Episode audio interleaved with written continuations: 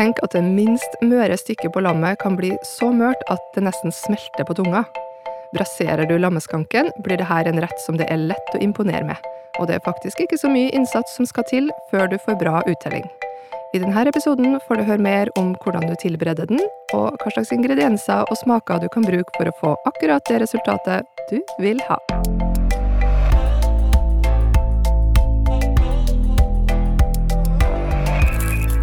Det her er Matpratpodden. Jeg heter Lisa Ekli, og i dag kan vi friste med en lekker brasert lammeskank. Eller det er det vel egentlig du som hører på som skal gjøre, etter at eh, matpratekspertene Therese Elstad og Cecilie Maske har fortalt deg alt du trenger å vite for å få det til. Velkommen i studio. Takk. Ja, dagens tema er altså lammeskank, eh, og kanskje er det mange som tenker litt mer på lammelåret når de skal servere lammekjøtt, sånn at lammeskanken havner litt i skyggen. Men jeg har hørt at det er kokkens favoritt, Cecilie? Ja, det er det. Eh, jeg er veldig glad i lammeskank. Eh, og jeg må si at et, altså et lam er jo egentlig mørt eh, hele, hele, dyret er jo mørt kjøtt, for det er jo et ungt dyr. Men av det møre kjøttet så er lammeskanken det minst møre. Ja. Så sånn sett så trenger det kan godt ha godt av å få en, en annen tilberedning enn resten av, av, kjøttet. Og da er braisering en fantastisk måte å gjøre det på. Og det som er så genialt med lammeskank, det er jo at det nesten kommer i porsjonspakker. Mm. Som er veldig perfekt for, for oss som bor alene, eller om du bare har lyst til å lage til to, for eksempel.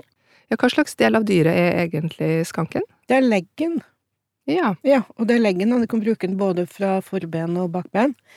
Eh, og det er det samme stykket som på svin blir kalt for knoke, og som også boko lages av. Akkurat. Det er altså kalveskanken, altså kalveleggen, og det er nok noen også som kaller det for lammeknoke. Ja. Mm.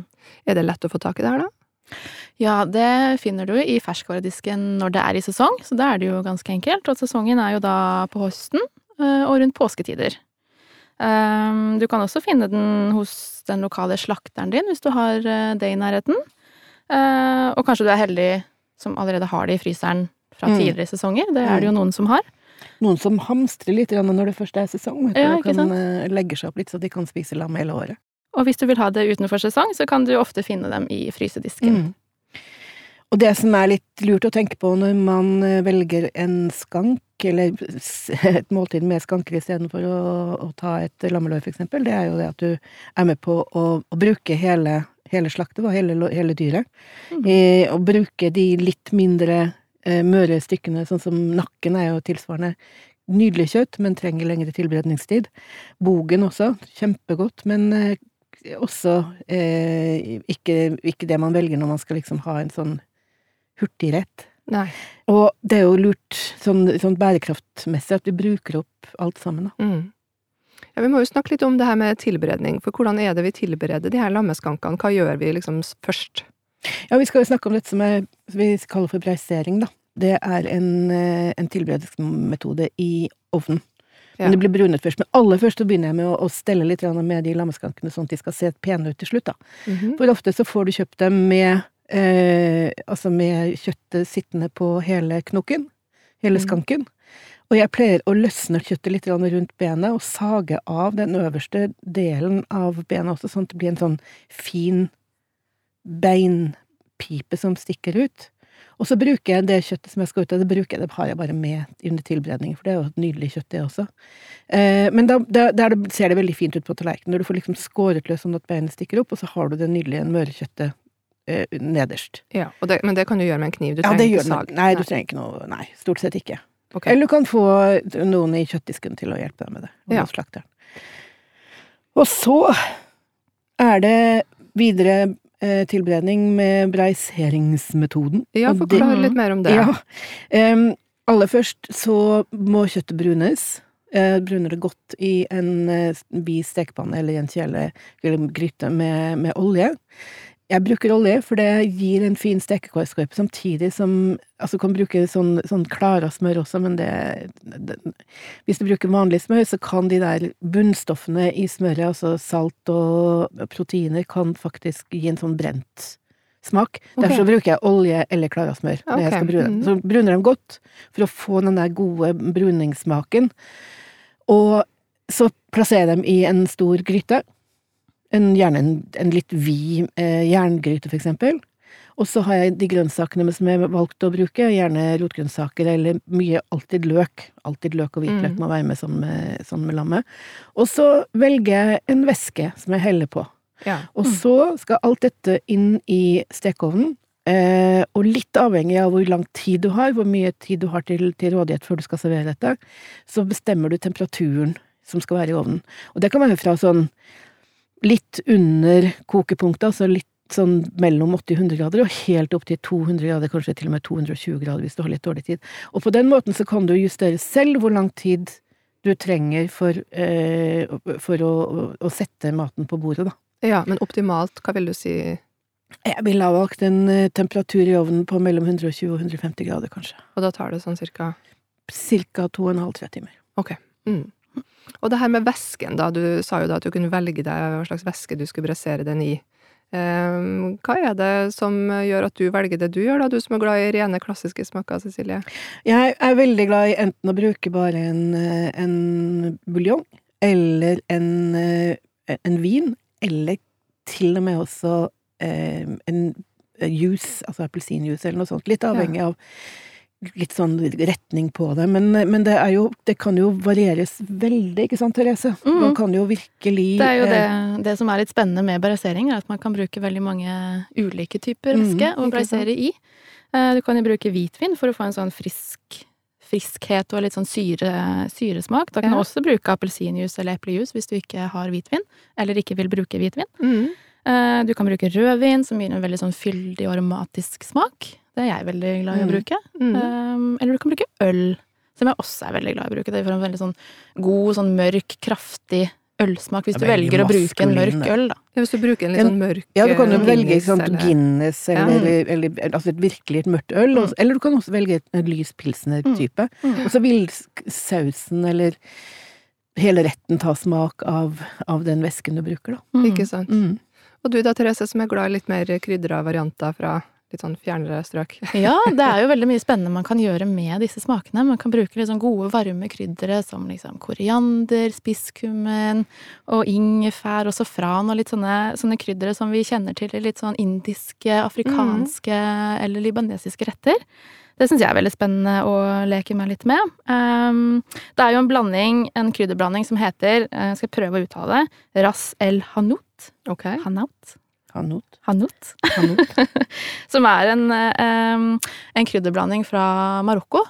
Som er litt spennende, for det, akkurat det navnet det betyr at det er en blanding av det beste den selgeren har okay. i butikken sin. Så det er ikke én spesifikk krydderblanding, men det er liksom noe de har enten eh, i familien sin som en tradisjon, eller noe de har liksom tilgjengelig i sin butikk, da, som de Mm. selger. Som, de, som kunne vært litt spennende å bruke Mm. til en sånn, eh, en sånn rett Mm. til lam.